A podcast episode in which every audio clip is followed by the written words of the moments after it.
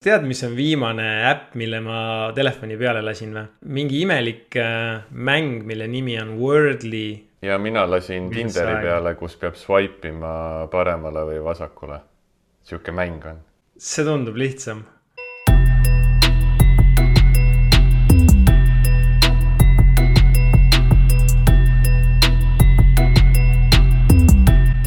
hei, hei, järjekordne põnev saade Saatsaarest börsijutud alustab saade number viiskümmend kolm. meil on siin ilus neljapäeva hommik äh, Zoomi stuudios. mina olen börsikaupleja Markus ja minuga koos on investor Märten Kress. täpselt nii selline, selline intro siis kohe täna. kuule, aga kui sa nii energiliselt siin öö, äh, otsa lahti tegid, siis öö, äh, jätkame hästi päevakohastel ja ajakohastel teemadel mm. ja äkiliselt, äkilistel teemadel, et mina investorina kuigi palju neid asju ei vaata, sina kauplejana kas vaatad, kas see on oluline. räägin siis loomulikult sellest, et nii SB viissada indeks kui Nasdaq sada indeks kui tehnoloogiasektori ette kauplevad nüüd allpool oma viiekümne päeva libisevat keskmist. mis toimub okay., kas äh, pulliturg on läbi mm,. või pole alanudki no, no kuidas kellegi jaoks, et äh, kui sa selle viiekümne päeva libiseva keskmisega tegid mingisuguse sisenemisotsuse, siis võib-olla vaatad seda väljumiseks, aga tegelikult turud on tipust vist mingi, ma ei tea, neli protsenti, viis protsenti alla tulnud, mitte rohkem ju mm. -hmm et äh, ma arvan, pulliturul neli-viis protsenti tagasitõmme vist on varem ka juhtunud, et ei tohiks veel verest välja lüüa või kuidas või, või on sul abi vaja? psühholoogilist no,? tegelikult minu küsimus ongi see, et äh, kas sa ise vaatad üldse neid äh, lühemaid libisevaid keskmisi kui see kahesaja päevane ja reaalselt täna siis kuidagi kasutad oma otsustes või, või algoritmidele käske andes või mitte? Mingil määral ma võiks nagu öelda, et ma vaatan isegi seal kümne päeva libisevaid, aga mitte nagu üksinda ja väga lühiajalistel swingidel, kus ma indeksi futuure kauplen niimoodi, et äh, peale turu sulgumist, vaata futuurid kauplevad edasi, ostan mingit kukkumist, müün põrkesse, mingite väga lühiajaliste strateegiatega, aga see on niisugune turuga tantsimine, noh, niisugune lainetus, et vaata, mis ajahorisondis seda lainetust vaatad, noh, et kas sa kasutad kümne või kahesaja päeva libisevat keskmist, see on nagu, ei ole õiget ega valet mm. -hmm. aga mingeid tehnilisi tasemeid äh, praegu jälgid ka, sellele omistad mingit tähtsust indeksite tasandil just ma mõtlen? indeksil ei ole otseselt, noh, see neli tuhat kakssada, kolmsada, millest mai-juuni millalgi läbi murdis ja tõusule läks, et noh, seda võiks nüüd nagu hoida, aga otseselt seda niimoodi jällegi üksinda nagu ei vaata. aga kuna sa seda küsid, siis kas sa ise muretsed või vaatad midagi või sul on tegelikult täiesti savi see on minu jaoks need pusletükid ja infokillud lihtsalt, et nagu ma intros juba ütlesin, et minu jaoks see viiekümne päevane on äh, suht ebaoluline. pigem äh, pakkuski huvi selles valguses, et ma vaatasin, et kauplejate Twitteris läks nagu möll lahti, on ju, juba eelmise nädala ma ei tea, teises pooles siis, et kas see viiekümne päevane Nasdaq saja puhul peab või ei pea ja kuidas siis nädal sulgub ja, ja, ja siis mõtlesingi, et kas sinu töös vaata, olen, on see oluline või mitte. vaata, ma olen läinud seda teed süstemaatilise kauplejana, et ma, ma ei püüa ühtegi otsust, otsusprotsessi või strateegiat teha perfektseks ja ideaalseks, et ta neid pöördeid täpselt tabaks, vaid mul on pigem nagu ühe-kahe perfektse strateegia asemel kümme head strateegiat, mis üksteist kompenseerivad, ehk siis ma tean, et mm. turud tõmbavad tagasi, ma oma trendipositsioonides annan lahtist kasumit see hetk natuke tagasi ootusel, et trend jätkub, aga samal ajal mu optsioonipreemia müües teenin raha, päevakauplemise volatiilsuse pealt teenin raha, sest tavaliselt volatiilsus tõuseb, kui turud langevad mm. -hmm. ehk siis ma kombineerin need erinevad strateegiad ja ma ei püüa ideaalselt tabada ühe strateegiaga turgu, vaid ma kümne strateegiaga saan kokkuvõttes hea tulemuse, kui see vastab võib-olla sellele küsimusele aga optsioonidel sul peaks ju, no okei okay,, sõltub nüüd sellest, sa kaupled neid sama päeva optsioone.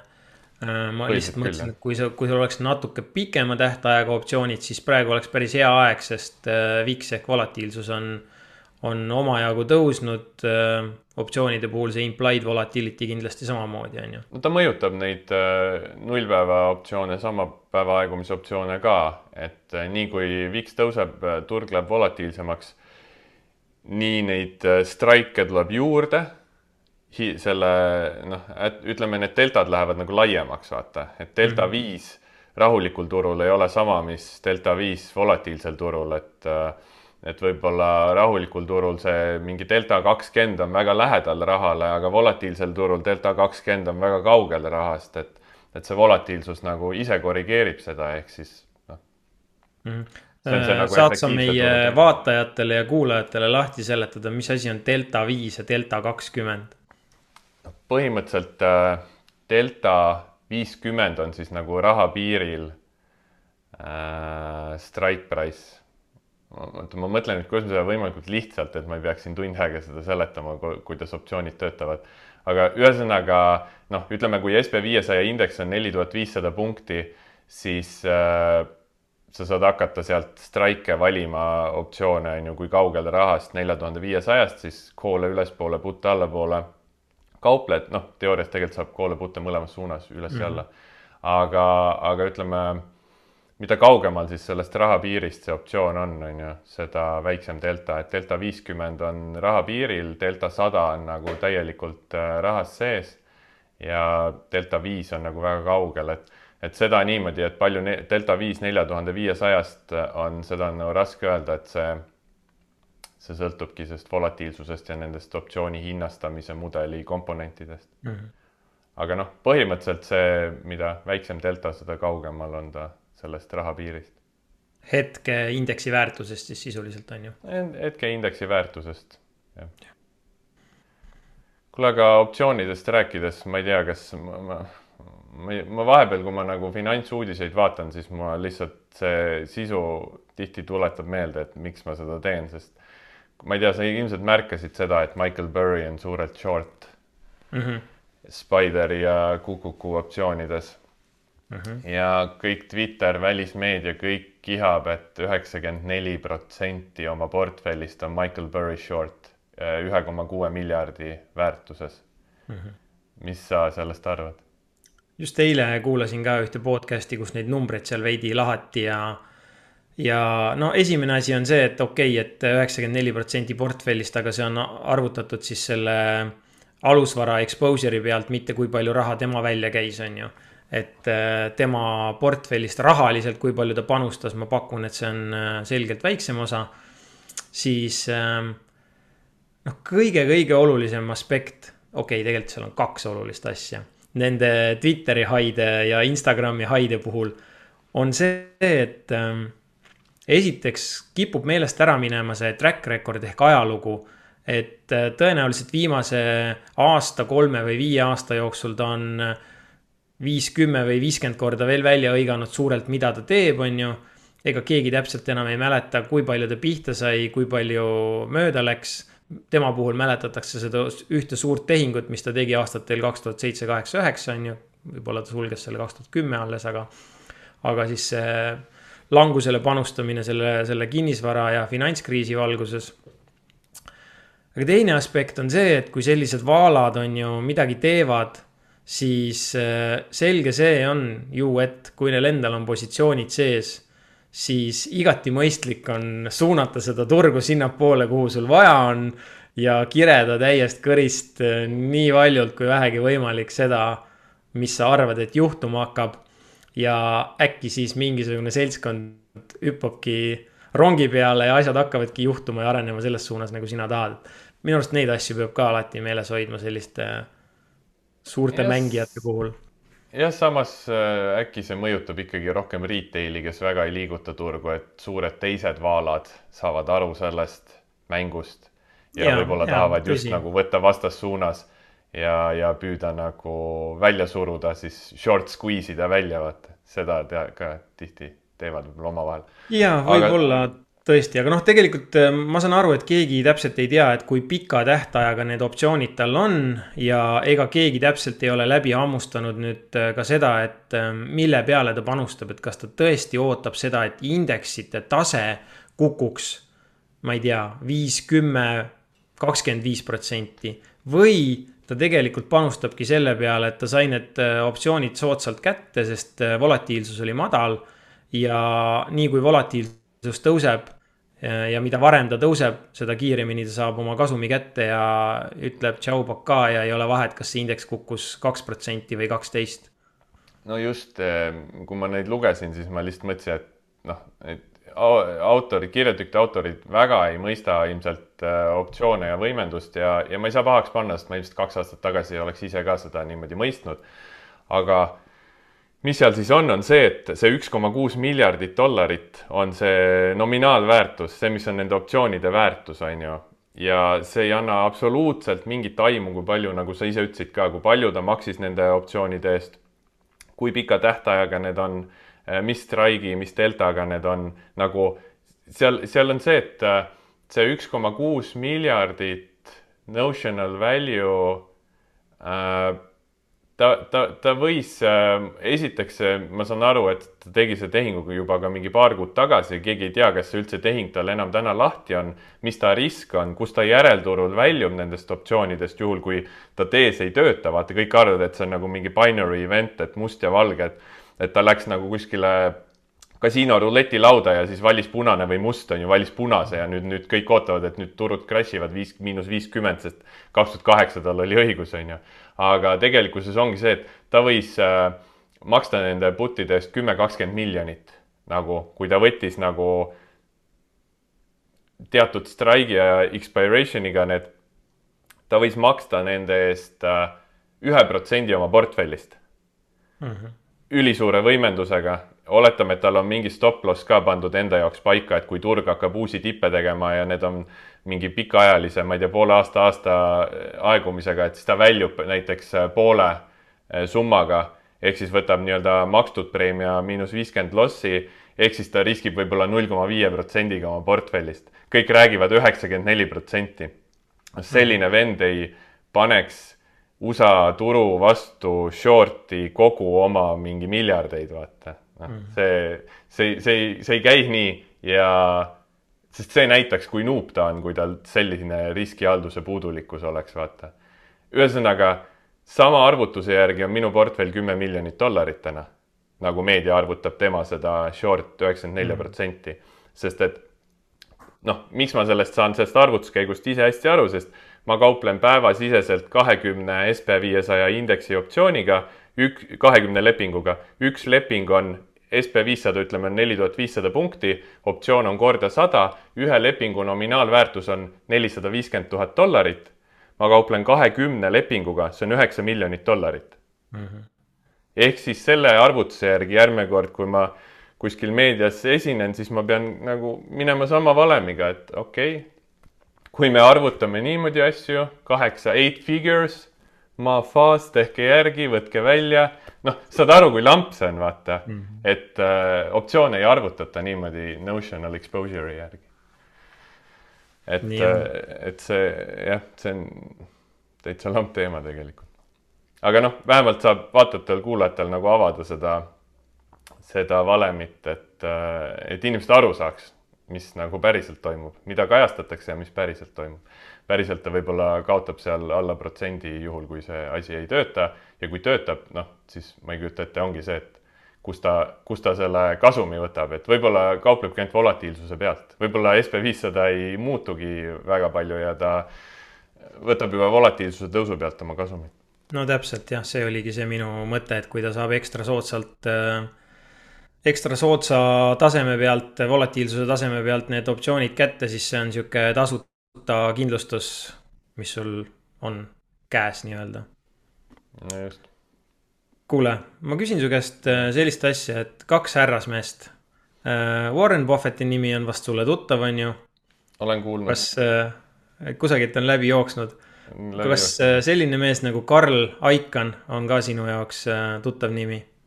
Ja isegi, isegi näopilt tuleb ette mm. -hmm tead, hiljuti sattusin nägema siis paari uudist, et, et Karl Aikan on siis, kuidas seda täna nimetada, võib-olla parimalt, parim viis selleks on vast kirjeldada, et ta on, ta on siis otseselt võib-olla ta ei ole hedge fondi juht, on ju, aga tal on oma mingi partnership ehk selline fondi moodi struktuur. ta alustas oma karjääri ikkagi väga-väga ammu, aastakümneid tagasi börsimaaklerina ja tuntust ta siis vast saavutas läbi selle, et ta on selline aktivist investor, mis tähendab seda, et ta ostab ähm, sellise paraja portsu ikkagi hea mitu protsenti aktsiakapitalist ära mõnel ettevõttel ja lööb jalaga juhatuse või nõukogu ukse lahti ja ütleb, et ma nüüd tahaks sellised ja sellised muudatused sisse viia ja siis minu aktsiapaki hind on ju loodetavasti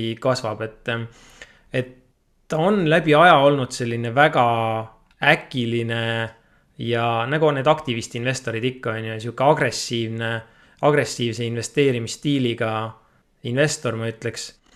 ja tema sellel partnership'il praegu nagu kuidagi teps mitte ei lähe hästi, et seal on äh, igasugused äh, kahtlused siis, et kas tal on piisavalt raha, et neid dividende maksta ja mis need võlakoormused on ja kuidas need varad seal arvestatud on ja nii edasi.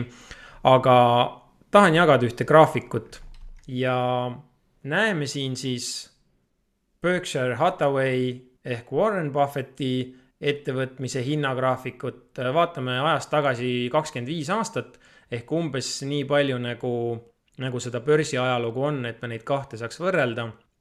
Ja sinine joon on Buffett ja Berkshire ja oranž joon on siis äh, Icahn Enterprises ehk siis äh, Carl Icahni äh, investeerimisühing, nimetame siis seda nii. ja täiesti meeletu graafik ju, ma ei olnud nagu kunagi vaadanud seda Icon Enterprises äh, hinnagraafikut, veel vähem võrreldes Buffettiga. et need, kes kuulavad audioversiooni, siis olgu öeldud, et, äh, et äh, need Carl Iconi aktsia, partnership'i aktsia hinna liikumised olid siin noh, suhteliselt lühikese ajaga loetud aastatega seal võib-olla ikkagi sadades, kui mitte tuhat pluss protsenti ülesse, siis umbes kaheksakümmend, üheksakümmend protsenti alla. paar aastat sellist rahulikumat paarikümne protsendi suurust kasvu, siis jälle mõned sajad protsendid ülesse, miinus kaheksakümmend, miinus üheksakümmend viis alla. ja nii see elu on härral käinud versus Berkshire Hathaway, mis äh, sinise joonega siis graafik, mis meil tasapisi siis liigub siin siksakitades alt, vasakust altnurgast äh, ülemale, ülevale paremale poole. et äh, mis mõtted sul tekivad, kui sa mingit sellist pilti vaatad? No see kollane Icani oma on ikka väga stressirohke, et noh, kujuta ette, sa oled siin kaks tuhat seitse, kaheksa näpud püsti ja siis kaotad jälle enamuse, enamuse sellest väärtusest ja siis mõned aastad hiljem, kaks tuhat neliteist, oled jälle näpud püsti ja ja siis kaotad jälle suure osa sellest väärtusest, et noh, tegelikult vaata selle võrdluses siin Berkshire ei tundugi üldse nii volatiilne, kuigi me teame ju, et ka Berkshire'il on olnud ikkagi ajaloos miinus viiekümne protsendiseid ja niisugune miinus kakskümmend, kolmkümmend äh, on rohkem olnud Berkshire'il, et äh, ma ei tea jah, see ilmselt seal Icanil on, kui tal on mingid pikaajalised investorid, kes on kõik need sõidud kaasa teinud, noh siis see ei ole ilmselt tavaline tädi Maali Põlvamaalt, vaid see peab olema ikkagi keegi, kes arvestab selle volatiilsusega ja, ja võib-olla siis äh, ootus ongi see, et, et kannatan volatiilsuse ära, see ei ole oluline, on ju aga äkki jälle tuleb mingi spike üles ja tüüp saab jälle pihta millelegi, et no pain, no gain uh, equity curve. ja nii on, no üks asi, millele ma veel hea meelega tähelepanu juhiks, on, on see, et pikaajalise investeerimise valguses need numbrid muutuvad ikkagi päris uh, toredateks, et kui me räägime, siin on meil kahekümne viie aasta graafik, siis Berkshire'i aktsionärid ongi teeninud uh, ei rohkem ega vähem kui tuhat viissada viiskümmend protsenti. ehk siis, mis see teeb, viisteist, kuusteist äh, X-i on ju. aga Carl Icahnil oli seal mingi kakssada protsenti, aga tal oli ka nüüd siin hiljuti mingi suurem raksakas veel alla. mingi. no tal short... ongi jah, praegu need äh, mured seal rahavoogude juhtimise ja, ja suured küsimärgid, et kuidas need äh, varad, mis tal portfellis on, kuidas need äh, hinnastatud on. sellepärast, et ta teps mitte ei hoia äh, täies ulatuses oma portfellist siis börsil kaubeldavaid asju, vaid äh,, vaid härra ikkagi seikleb nagu erinevates kohtades ja, ja osade asjade puhul tuleb siis väärtuse määramisel kasutada mingeid muid metoodikaid kui börsi ähm, neid kvoote sealt ja hindu on ju äh, vaadates ja, ja üles kirjutades, et, et paljud asjad on seal mittekaubeldavad või, või sellised, millel ei ole siis nagu börsihinda. ja minu meelest see viimane siin raksakas alla, mis tal seal ka graafikul oli näha, minu arust mingi short seller tegi mingit tampi. et ja, äh, ja, ja. hõikas midagi välja, et mingid asjad on väga halvasti ja siis short'is seda ja siis sealt minu arust ka sai seal mingi, mingi sell-off äh, sai, sai alguse aga, aga muide nendest vanadest kaladest äh, Stanley Druckenmiller, sa oled nime kindlasti kuulnud mm. -hmm. kuskil ta hiljuti just rääkis, äh, paar kuud tagasi kuulasin, kui ta oma Nvidia teisist rääkis ja samas ta oli väga bearish USA aktsiaturu peale tervikuna, aga siis mingite valitud aktsiate peale oli nagu bullish. huvitav oli see, et ta, ta rääkis ka seal sellest, et ta kasvatas klientide vara, vaat see on auditeeritud suured summad, miljardid. ta kasvatas klientide vara kolmkümmend aastat, keskmise aasta tootlusega umbes kolmkümmend protsenti ja tal ei olnud ühtegi kaotavat aastat mm. -hmm. no see, see vend on goat, noh, see on nagu noh, see kolmkümmend aastat, kolmkümmend protsenti tootlust ilma ühegi miinusaastata. see on kõva teema. jah vot tema puhul mulle meeldibki lugeda mingeid raamatuid, kus on siis lahatud seda, mida ta teinud on ja, ja noh, nii palju, kui see info on, siis ma ei tea, kusagilt olnud kättesaadav vist tagantjärgi.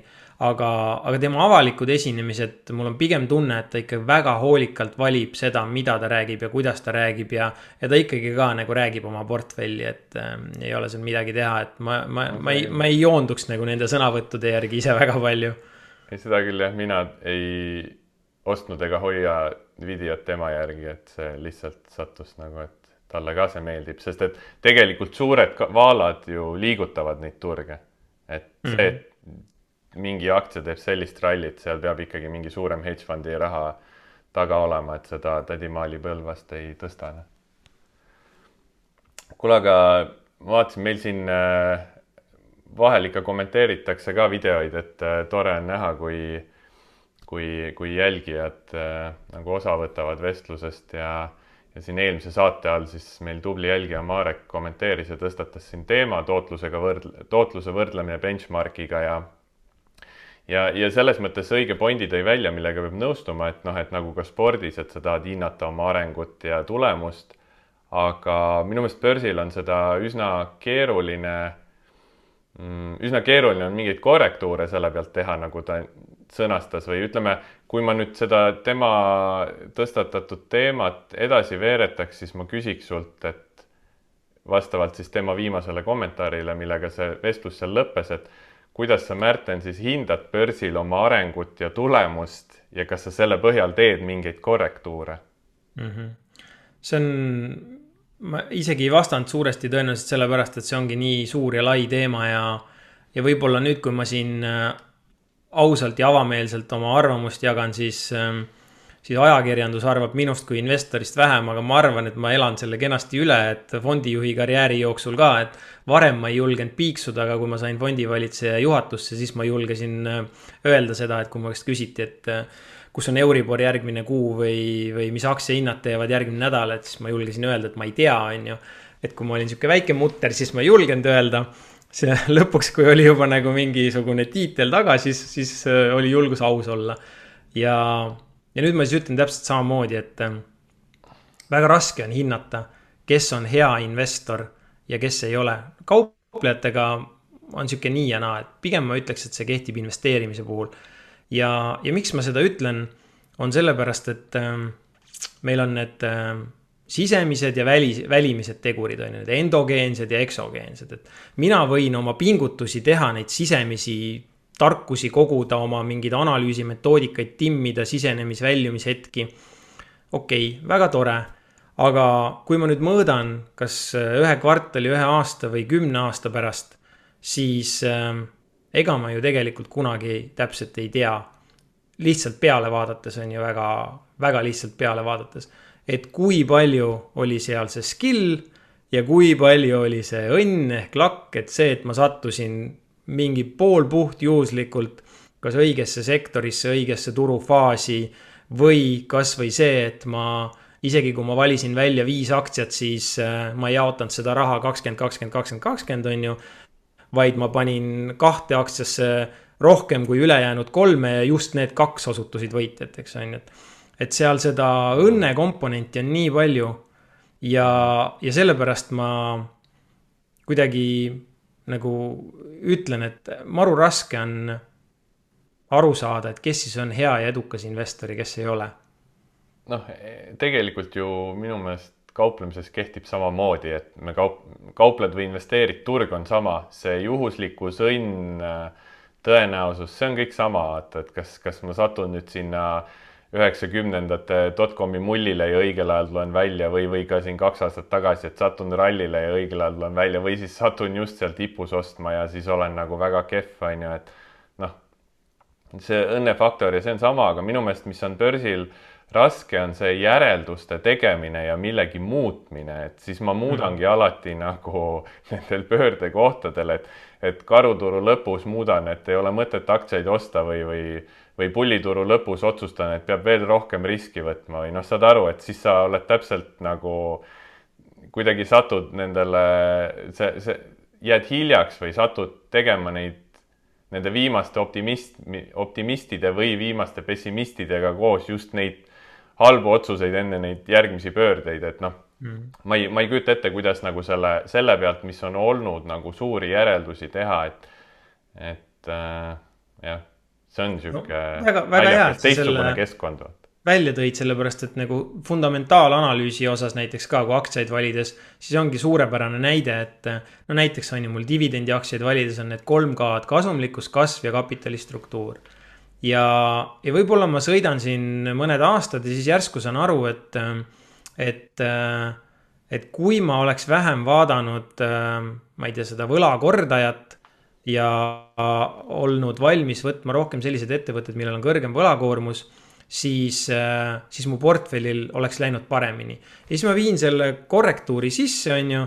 ja siis üllatus-üllatus äh, muutub turufaas, intressimäärasid hakatakse tõstma ja see komponent muutub just hästi oluliseks. et nagu sa ütlesidki, et ma teen siin nendes pöördepunktides või mõnes mõttes valedel hetkedel neid öö, äh, oma analüüsimetoodika muudatusi. Ja, ja loomulikult võib ju ka nii olla, et kui mul on analüüsis mingi kolm kuni viis sisendit või kriteeriumit ja, ja ma üritan seal midagi muuta, et siis, siis ma muudan valet asja lihtsalt seetõttu, et, et ma tegelikult ei tea täpselt, kust mul see tootlus tuli ja kust ta ei tulnud, on ju, et. et on peeneid kvantitatiivseid meetodeid, kuidas seda return contribution'it erinevate faktorite alusel arvutatakse ja leitakse, aga ma pakun, et nagu mitte ükski erainvestor sellist analüüsi oma tehingutel ometi ju ei tee ja portfellile. Jah, ma ise siin praegu hakkasin mõtlema, et tegelikult on nagu kolm komponenti, mis minu süstemaatilises kauplemises toob selle turueelise, et eh, noh, paljudele võib-olla tundub, et ongi see, et ma vaatan mingit libisevat keskmist või tasemeid ja lihtsalt proovin ära arvata, kas järgmine nädal tõuseb või langeb, aga noh, tegelikkuses on see, et esiteks on see strateegia ise, on ju, et mis, mis on selle strateegia need statistilised näitajad mineviku põhjal on ju, mis võib tulevikus küll teistmoodi olla, aga kui seda nagu õieti testida suure sample size'iga, et siis võib sealt nagu mingit infot võtta. et ühesõnaga, mis on see strateegia, tema ootus, tõenäosus. Teine komponent on selle tehniline teostus, et kas ma üldse suudan tehniliselt seda teostada, kas see tuleb nendest teenustasudest üle, on ju, et kas see on endiselt hea strateegia ja kasumlik ehk see teostuspool mis ma näen, et mul tänu IT taustale on mingi eelis nii-öelda võib-olla paljude teiste investorite ees, kes, kes ei oskaks seda süstemaatiliselt üles panna, seda mingit API-t jooksma või, või kuidagi seal kvantitatiivselt üldse testida neid asju. Aga kolmas asi, mis on vist kõige olulisem, sest et tegelikult need strateegiad, need arvutused, need programmid, äh, automatiseerimised, need on kõigile tegelikult nagu eriti täna kättesaadavad. Aga see kolmas osa on see vaimne psühholoogiline drawdown idest läbitulek, just see, kus inimesena ma tunnen, et ma pean midagi korre-, mingi korrektuure tegema, ma pean midagi muutma, sest ju kõik on viimane kuu aega nii halvasti olnud. aga see, et ma ei muuda midagi ja ma lähen sellesama tõenäosuse ja sellesama statsiga nagu edasi, sest ma tean, et seda on varem juhtunud, seda juhtub praegu, seda juhtub tulevikus, et ma tean, et ma pean nendest lainetest nagu läbi ujuma, vaata. see -hmm. kolmas osa on ilmselt see, mis nõuab kõige rohkem treenimist, harjutamist ja mis on inimese jaoks kõige raskem mm. -hmm. see on minu meelest, sest noh, strateegiate peale võib igaüks tulla, lugeda, otsida, guugeldada, osta neid, mis iganes, testida, võtta endale data ja anna minna, onju. Aga see, et sa jääd selle strateegiaga kauemaks kui kolm kuud, see on raske. Ja, ma mäletan aega, kus väga sageli jagati kauplejatele sellist soovitust, et on ju, et oletame, et sul on mingi strateegia, mis töötab. ja siis, kui sa oled äh,, olenevalt siis selle kauplemise sagedusest, et kui sa oled, ma ei tea, mõned päevad või mõned nädalad või mõned kuud totaalselt vee all, siis tee ekraanivaba periood ja mine ära, on ju. Mm aga noh, see ei tundu ka nagu hea soovitus, et millal sa siis tagasi tuled. miks just siis sa arvad, et su strateegia jälle töötab, siis on värised nagu haavaleheke, ei julge nagu uuesti turule, siis no on ju nii. ei tohi, ei, on no., on, see, seepärast ma naerangi, et see on nii naljakalt tõsi, nagu naljakas tõde, jah, see on õige, jah. see on täpselt samamoodi investoritel ka, nüüd on jumala perfektne koht Äh, kus öelda seda, et äh, tihtipeale ikkagi tuleb kusagil jutuks ükskõik, kas meil seal miljoni klubis või, või mõned, äh, mõned inimesed, kellega need investeerimisteemalised vestlused on, on saatus, olen pidanud, on ju, et et näed, et sain siin Metale näiteks pihta august ostes või, või Google'ile või Amazonile ja, ja nüüd on väga magus kasum. et võtaks selle kõik nagu ära, on ju võtaks kogu kasumi laualt ära, võtaks kogu oma raha ka välja ja, ja siis on nagu tore olla. aga seal on ju järgmised sammud kohe, et, et esimene on see, et mis sa siis selle rahaga teed. nii, kust sul need järgmised head ideed tulevad, võib-olla sul läks lihtsalt hästi, on ju, kuidagi joppas. Mm, siis järgmine küsimus on see, et, et sa oled ennast ära ankurdanud mingitesse hindadesse. ostsid, ma ei tea, Google'is seal kaheksakümne kahega, nüüd on sada kolmkümmend, sada nelikümmend tundub palju, on ju, ja, ja seal on, ongi need sinu ankrud. aga, aga mis nüüd edasi saab? müüd maha, aktsia kukub, ütleme saja neljakümne pealt näiteks saja kahekümne peale. vaevalt, et sa ostad, sest su ankur on seal kusagil mingi kriisi ajal, on ju. kukub saja peale, ikka ei osta. või vastupidi, kui ta tükk aega on külgsuunas liikunud ja paneb ülespoole ajama, jälle sa ei osta, et jah, mina ostan, vaata, ma, ma olen sellest rääkinud ka, et ma olen harjutanud seda, et ma ei osta hinda, vaid ma ostan liikumist, ehk siis mul ei ole, mu ükskõik, jah, seekord juhtus nii, et eelmine aasta oligi karuturg ja ma sain paljusid samu aktsiaid soodsamalt tagasi osta, aga kui ma oleks pidanud kõrgemalt ostma tagasi, siis vahet ei ole, kui ma olen saanud vahepeal olla väljas mingist külgsuunalisest või tagasitõmbest või mingist liikumisest, mille vastu mul ei ole huvi, siis on okei okay,, et ma tegin see rahaga midagi muud ja ostsin uuesti mingit Nvidiat või Apple'i aktsiat, on ju, isegi kui see oleks olnud sisenemine kõrgemalt, ma lähen selle tõusu jätkumise peale, selle liikumise peale, vahet ei ole, mis see dollari hind oli, see mhm. üldse mind ei huvita, vaata. aga ma saan aru, see, mida sa kirjeldad, see ongi tegelikult üks inimpsühholoogiline kiiks. sest et kui sa paned arvuti või roboti kauplema, investeerima, siis teda ei huvita see, vaata, tal ei ole neid emotsioone, et kuskil on mingi ankur, on ju, see on siin meie peas ikkagi, vaata. aga see on jah, see on oh jah, see on suur ja lai teema, et seal on neid asju tegelikult ju palju, et. ma korra äh, keeran siin veel kruvi peale, et, et näiteks minu enda jaoks on see üksikaktsiatega ajastamine ja, ja hüppamine on ju sisse ja, ja välja ja hoidmine ja nii edasi. on mõnes mõttes kasvõi selle võrra lihtsam, et, et seal on kasvõi võimalus, et ma ei müü kõike ära, on ju, et ma võtangi ainult kasumi välja või võtan kogu selle raha välja, mis ma ise sisse panin või mingisuguseid siukseid trikke või müün äh, osa ära, on ju, ja jätan nagu midagi sõitma veel. Ähm, ja, ja lõpuks seal äh, üksikaktsiate puhul olenevalt siis meetodist on ju, saabki vaadata, kas tehniliselt, et okei okay,, et konsoli, konsolideerumine sai läbi, nüüd on uus tõus, võtan siis uuesti või mingite väärtussuhtarvude pealt. aga kõige-kõige hullem asi, mis minu, minu jaoks on nagu erainvestorite puhul, on see kogu portfelliga aktsiaturu ajastamine. no vot seal, kui sa nagu eelmisel aastal, kui meil oli see karuturu aasta, ükskõik, kas sa juhtumisi said välja jaanuaris või tulid välja märtsis või tulid välja sügisel. ja eriti, kui sa müüd ennast tühjaks, siis äh, su mindset ja mõtteviis, seal läheb midagi totaalselt katki. sa ei julge enam tagasi osta ennast sisse, no päriselt, ma olen näinud ja, seda. ja ei, ma naeran kõik nende asjade peale. mitte erainvestorite puhul, vaid nagu seal fondijuhtimise maailmas ka, on ju. kui sa ennast nulli müüd, nii, ja ütleme, et sinu see äh, võrdlusindeksi osakaal on, vanasti olid kõige populaarsemad pensionifondid, need, mis võisid viiskümmend protsenti aktsiatesse panna. nii, müüd ennast seal nulli ära ja siis su see, see maksimum on viiskümmend, siis mis sa arvad, kuidas sa sealt kriisist hakkad välja tulema? sa ei tule nii, et sa tõmbad kohe selle mingi kahekümne viie või neljakümne peale, sa hakkadki tiksutama seal mingi viie protsendi kaupa seda aktsia osakaalu tõusu. ja selleks ajaks, kui sa jõuad neljakümne või neljakümne viie peale, on pulliturg viis aastat vana sul käsi ikka väriseb, sest sa kogu aeg kardad, et mine sa tea, äkki see pulliturg on lühem kui kõik eelmised keskmisena. noh, nagu ärge palun müüge oma aktsiaportfelli nulli. välja arvatud juhul, kui sa oled no. kaupleja ja Markus ja mingi šallallaa on ju. ei noh, selles mõttes, miks ma naeran siin kõige selle peale, sest see on nii tõsi, et see on nii naljakalt tõsi, et ma olen ise ju aastate jooksul seda kõike materjali läbi võtnud, neid psühholoogilisi vigu, kiikse ja püüdnud välja harjutada, et minu arust see ongi naljakas, et kui tahad kui tahad nagu kauplejana raha hakata teenima, siis põhimõtteliselt äh, see, mida kodust ja koolist la lapsena oled õppinud raha ja, ja mingite maailma tõdede kohta, et kõigepealt pead üheksakümmend protsenti unlearn mhm. tegema ja siis nagu uuesti õppima hakkama, et see on naljakas, et igas muus võib-olla eluvaldkonnas see kõik aitab, mis sulle kodust, koolist kaasa antakse ja õpetatakse.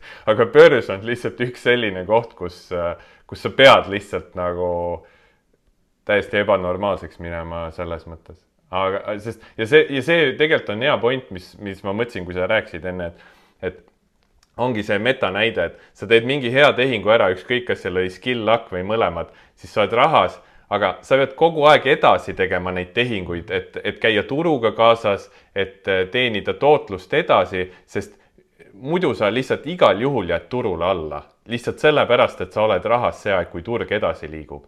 vaata, et sa ei saa nagu väga pikalt lubada endale äh, lihtsalt istumist ja mitte millegi tegemist. seepärast, et kuna turud üldjuhul nagu on tõusvad pikas plaanis ja tõusevad, sa ei saa lubada, et sa jääd ilma mingitest nendest, just nendest suurtest rallikohtadest mm. -hmm. ja siis on jälle mingisugune külgsuunaline konsolideerumine või tagasitõmme, et et sellepärast on väga raske, mis ma alguses, mille, mida alguses alustades ei saa aru, et mingi guru kuskil netis näitab sulle, et näe, üks see tehing, mingi meta, Nvidia, mis iganes, oi, näe, siit sain nii suure tootluse. tegelikkuses esiteks ta ei tee kunagi kogu rahaga ühte tehingut, ta teeb ainult mingi väikse osaga portfellist a la kümne protsendiga selle tehingu, on ju. ehk siis see on kohe kümme korda väiksem see tootlus, kui sulle aju, sinu ajule tundub, et oh, ma läheks kogu rahaga, on ju. ja ja teiseks on see, et äh, mis pärast seda saab, kui ta selle kasumi ära võtab oma mingi väikse osaga portfellist, siis kui ta jääb rahasse ja näiteks kuu aega rahas, aga turud tõusevad edasi, siis ta see meta või see tehtud tootlus on juba nii-öelda väiksem nagu mm. aja mõttes, sest aeg läheb kogu aeg edasi. sa ei saa nagu puhkama põhimõtteliselt jääda või nii-öelda ma tean, et siin kuulajatele, mõningatele võib tunduda, et me võib-olla ketrame siin kogu aeg, on ju, juba samal teemal tükk aega, aga, aga no päriselt ka, ma olen lihtsalt elus nii palju näinud iseenda ja teiste näitel seda, et, et kõige hullemad mõnes mõttes ongi need õnne ja skill'i kombinatsioon või ütleme siis, nimetame seda õnne ja julguse kombinatsiooniks. et sa õigel hetkel, sa tabad ära selle soodsa otsuse, sa teed ka julge ähm, otsuse, on ju, või tabad ära õige hetke, teed julge otsuse ja, ja mingi, mis iganes alusel sa mõõdad seda sisenemiskohta, et justkui äärmiselt soodsas kohas said sisse. Ja mis siis su peas nagu kohe juhtub, on see, et sa hakkad otsima neid samaväärselt häid sisenemiskohti. aga kui turutsükkel on see, et me tulime karu, karu, karu, tegime põhja ja nüüd on pulliturg ehk tõusufaas, siis järgmised isegi mitte sama atraktiivsed või võib-olla nagu võrdväärsed või sarnaselt atraktiivsed sisenemiskohad võivad tulla järgmises kriisis, järgmises langusfaasis alles. ja me teame, et turg on peaaegu seitsekümmend protsenti ajast aktsiaturg tõusev, siis äh, seda ooteaega on omajagu. aga et ei jääks muljet, et me siin Märtiniga noogutame ja kõiges nõustume, siis sel-, sellega ma sõbralikult äh, mitte nõustun, et või tähendab, sellega ma ei nõustu, et, et aktsiaid mitte müüa. et äh, minu meelest just tuleb aktsiaid müüa ka õigel ajal, õiges, mingi õige strateegiaga või strateegiliselt müüa neid, mitte lihtsalt juhuslikult või mingi sisetunde järgi muidugi. aga ma nagu päris sellega ei nõustu, et üldse aktsiaid mitte müüa no ma ütlesingi sinna selle erandi, et juhul, kui sa oled Markus või sa oled aktiivne kaupleja või ka noh, aktiivne investor. Äh, tahad no, aktiivselt suhtes... oma riske hallad, juhtida näiteks. ja noh, kõige hullem, mis võibki juhtuda, on see äh, noh, nagu päriselt ka, eile ma näiteks olin, kus ma olin korraks või see oli üleeile, olin maal, on ju. Käisin sealt ema juurest läbi meil on seal mingi väike kartulipõld, kus äh, kartulimardikad tulevad, on ju, aeg-ajalt, siis tuleb neid korjata kuhugi purgi sisse. ja käisin siis neid kartulivagusid pidi ja siis tuli telefonikõne, et, äh, et kuule, tere, näed äh, meedia pealkirjad on sellised ja sellised, et ajad on nagu päris halvad ja, ja on sihuke tunne, et peaks nagu kõik aktsiad ära müüma, on ju. vot nagu nende asjade vastu ma kuidagi siin võtan täna siis häälekalt sõna, et, et, äh, et jah, kui sa teed oma ise oma analüüsi, kui sul on mingi selge strateegia või taktika, kuidas sa investeerid või kaupled, siis äh, nulli müümine on okei okay,. aga kui sa teed seda hirmu ja mingite pealkirjade pealt, on ju, ja, ja ja tegelikult sa teed seda hirmu pealt, et sul on mingid terendavad ilusad kasuminumbrid, mida sa juhtumisi näiteks viimase kuue või üheksa kuu jooksul oled äh, teeninud, siis äh, noh, ma ei tea ka, on ju jälle jah. aga mis su vastus siis oli, mis su vastus siis oli, et jaa, muidugi kõik on nii halvasti, sügisel läheb halvaks, müü ära. tead, selliste, sellistel puhkudel ma sageli hakkan nagu, hakkangi neid samu küsimusi küsima, et et okei okay,, et väga hea, ma mõistan. miks sa mulle helistad kes sa, kes sa oled, tunnitasu on selline, räägime nüüd edasi. helista tegelikult... mulle sellele üheksasada algusega numbrile, see kümme eurot minut ei no tegelikult ma hakkan sealt edasi küsimusi tavaliselt küsima, et okei okay,, et ma saan aru, kus sa oled emotsionaalselt. ma saan aru, mida sa lugesid, mis infoväljas sa elad. aga ütleme, et sa müüdki maha. mis sa siis edasi teed, on ju, mis sa teed edasi, kui Google'i aktsia hind kuus kuud püsib sama, kui ta tõuseb, kui ta langeb, on ju. nii, noh, ma tahaks teada, mis sa edasi. ma ei tea, ma ei tea, helistan uuesti järgmine, järgmine katse, äkki tuleb nüüd targem vastus, mitte uuesti küsimusele küsimusega, on ju ma ei tea, kas ma olen siin saates, ma ei tea, kas ma olen sulle seda kvooti varem öelnud või, või ütlust, et äh, hind teeb uudised, mitte vastupidi. oled ikka, ma arvan, see on sinu põhiuskumus, et ähm,. eriti ma, jah ja noh, mida aeg edasi, seda rohkem ma tegelikult ise nõustun sellega, et äh, põhjendus tuleb hiljem, on ju et kõigepealt toimub hinna liikumine ja siis hakatakse otsima, et mis selle võis põhjustada ja kirjutatakse mingeid uudisnuppe. jah, suurem, suurem osa ajast, muidugi on mingid väga, mingid makronäitajate avaldamise uudised või mingid äh, earnings tulemuste, mis panevad lihtsalt turud liikuma. aga sellegipoolest see, see vähesel juhul see uudis paneb äh, turuosalised hindu liigutama, mitte see uudis ise ei liiguta hindu, vaata, ta peab ikkagi mm. turuosalised mingis suunas tasakaalust välja hindu liigutama, on ju. mingil ja. põhjusel, kuna see on nii suure osakaaluga või tähtsusega eh, teadaanne, aga seesama, mis sa rääkisid enne, see eesti keeles sa ütlesid need keerulised sõnad endogenous ja endogenous, need mm sisemised, välimised tegurid ma ise kuulasin hiljuti, mitte, mitte enam väga hiljuti, tegelikult see võis olla isegi eelmine aasta, aga aeg on kiiresti läinud, lihtsalt tundub hiljuti. mingi prantsuse tüüp guugeldas, mingi Jean-Philippe või ilmselt kui mingi Jean-Philippe või Philippe Endogenous, Endogenous guugeldada, siis tuleb see tema töö välja.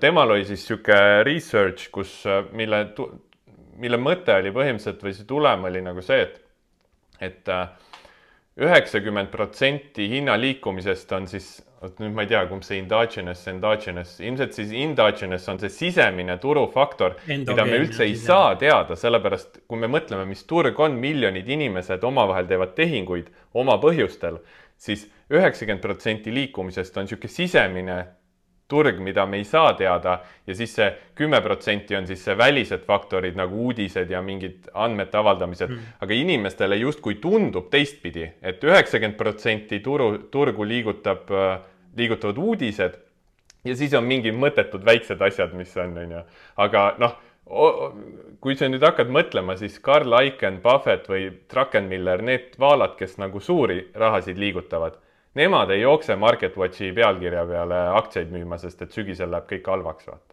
Mm noh, saad aru, et kui sa hakkad nagu niimoodi seda asja enda jaoks lahti mõtestama, siis sa saad aru, kuidas see mäng tegelikult käib ja kuidas inimajuga manipuleeritakse selle väikse Mihkliga, on ju, et või, või Maaliga Põlvast või kellega iganes, noh, saad aru, et, et sul ei ole nagu oh, suured vaalad nagu hedge fundid ja tark raha ei liiguta selle peale mitte midagi. Nad on kas ette juba enne ära liigutanud, oma mingid otsused teinud või, või siis teevad mingeid strateegilisi otsuseid vastavalt oma plaanile nii-öelda järjepidevalt edasi, edasi minnes.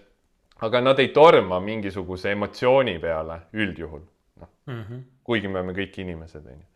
Et äh, vahel siin ka meedia on mult küsinud kommentaare mingi turu tugevuse, nõrkuse kohta ja ma pean ütlema, et äh, väga huvitav on, et tavaliselt on see mingi mõne päeva, nädala küsimus, kui see asi pöörama hakkab, et äh, kui ma teaks, et mult alati küsitaks kommentaari, kui tahetakse kommentaare, siis mul täitsa oli idee mingi sentimendipõhine strateegia mõelda välja, et kui mingi asi on pikalt liikunud ja selle kohta küsitakse lõpuks meediasse kommentaari, et see on nii tugev, see on nii kaua läinud mm, -hmm.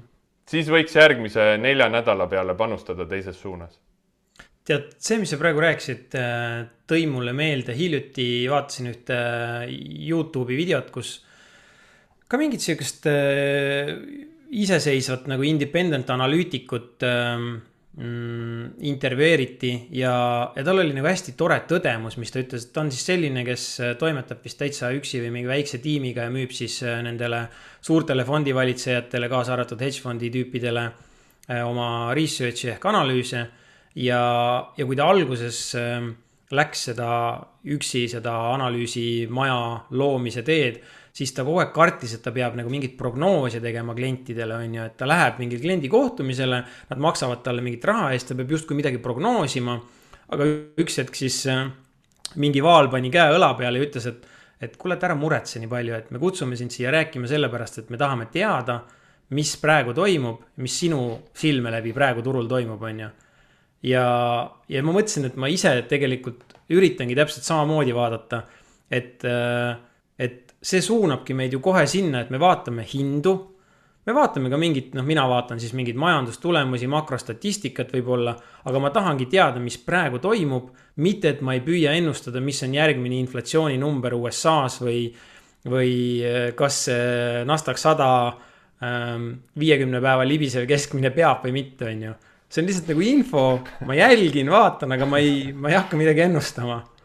ja, ei, ma saan aru jah, ma saan aru jah. Kuule, aga head teemad, head teemad, see on äh,, hea on rääkida nagu asjadest, mis päriselt on olulised ja mida me ise teeme. mitte sellest, mitte lihtsalt võimendada edasi seda tavapärast Twitteri ja meedia sõnumit, mis nagu noh, saad aru, mida ma mõtlen yeah.. et mida kõik kanalid lihtsalt tuututavad äh, hommikul ja õhtul, aga, aga seda, mis nagu. Börsijuttudel on oma pasun, meie tuututame oma rida, nii et kui teile meeldib see tuututamine, siis äh, pange like ja, ja niimoodi me jõuame rohkemateni ka. see saade on meelelahutusliku sisuga, me ei soovita osta ega müüa ühtegi finantsvara, iga inimene on vastutav oma finantsotsuste eest. iga finantsotsus võib viia kapitali kaotuseni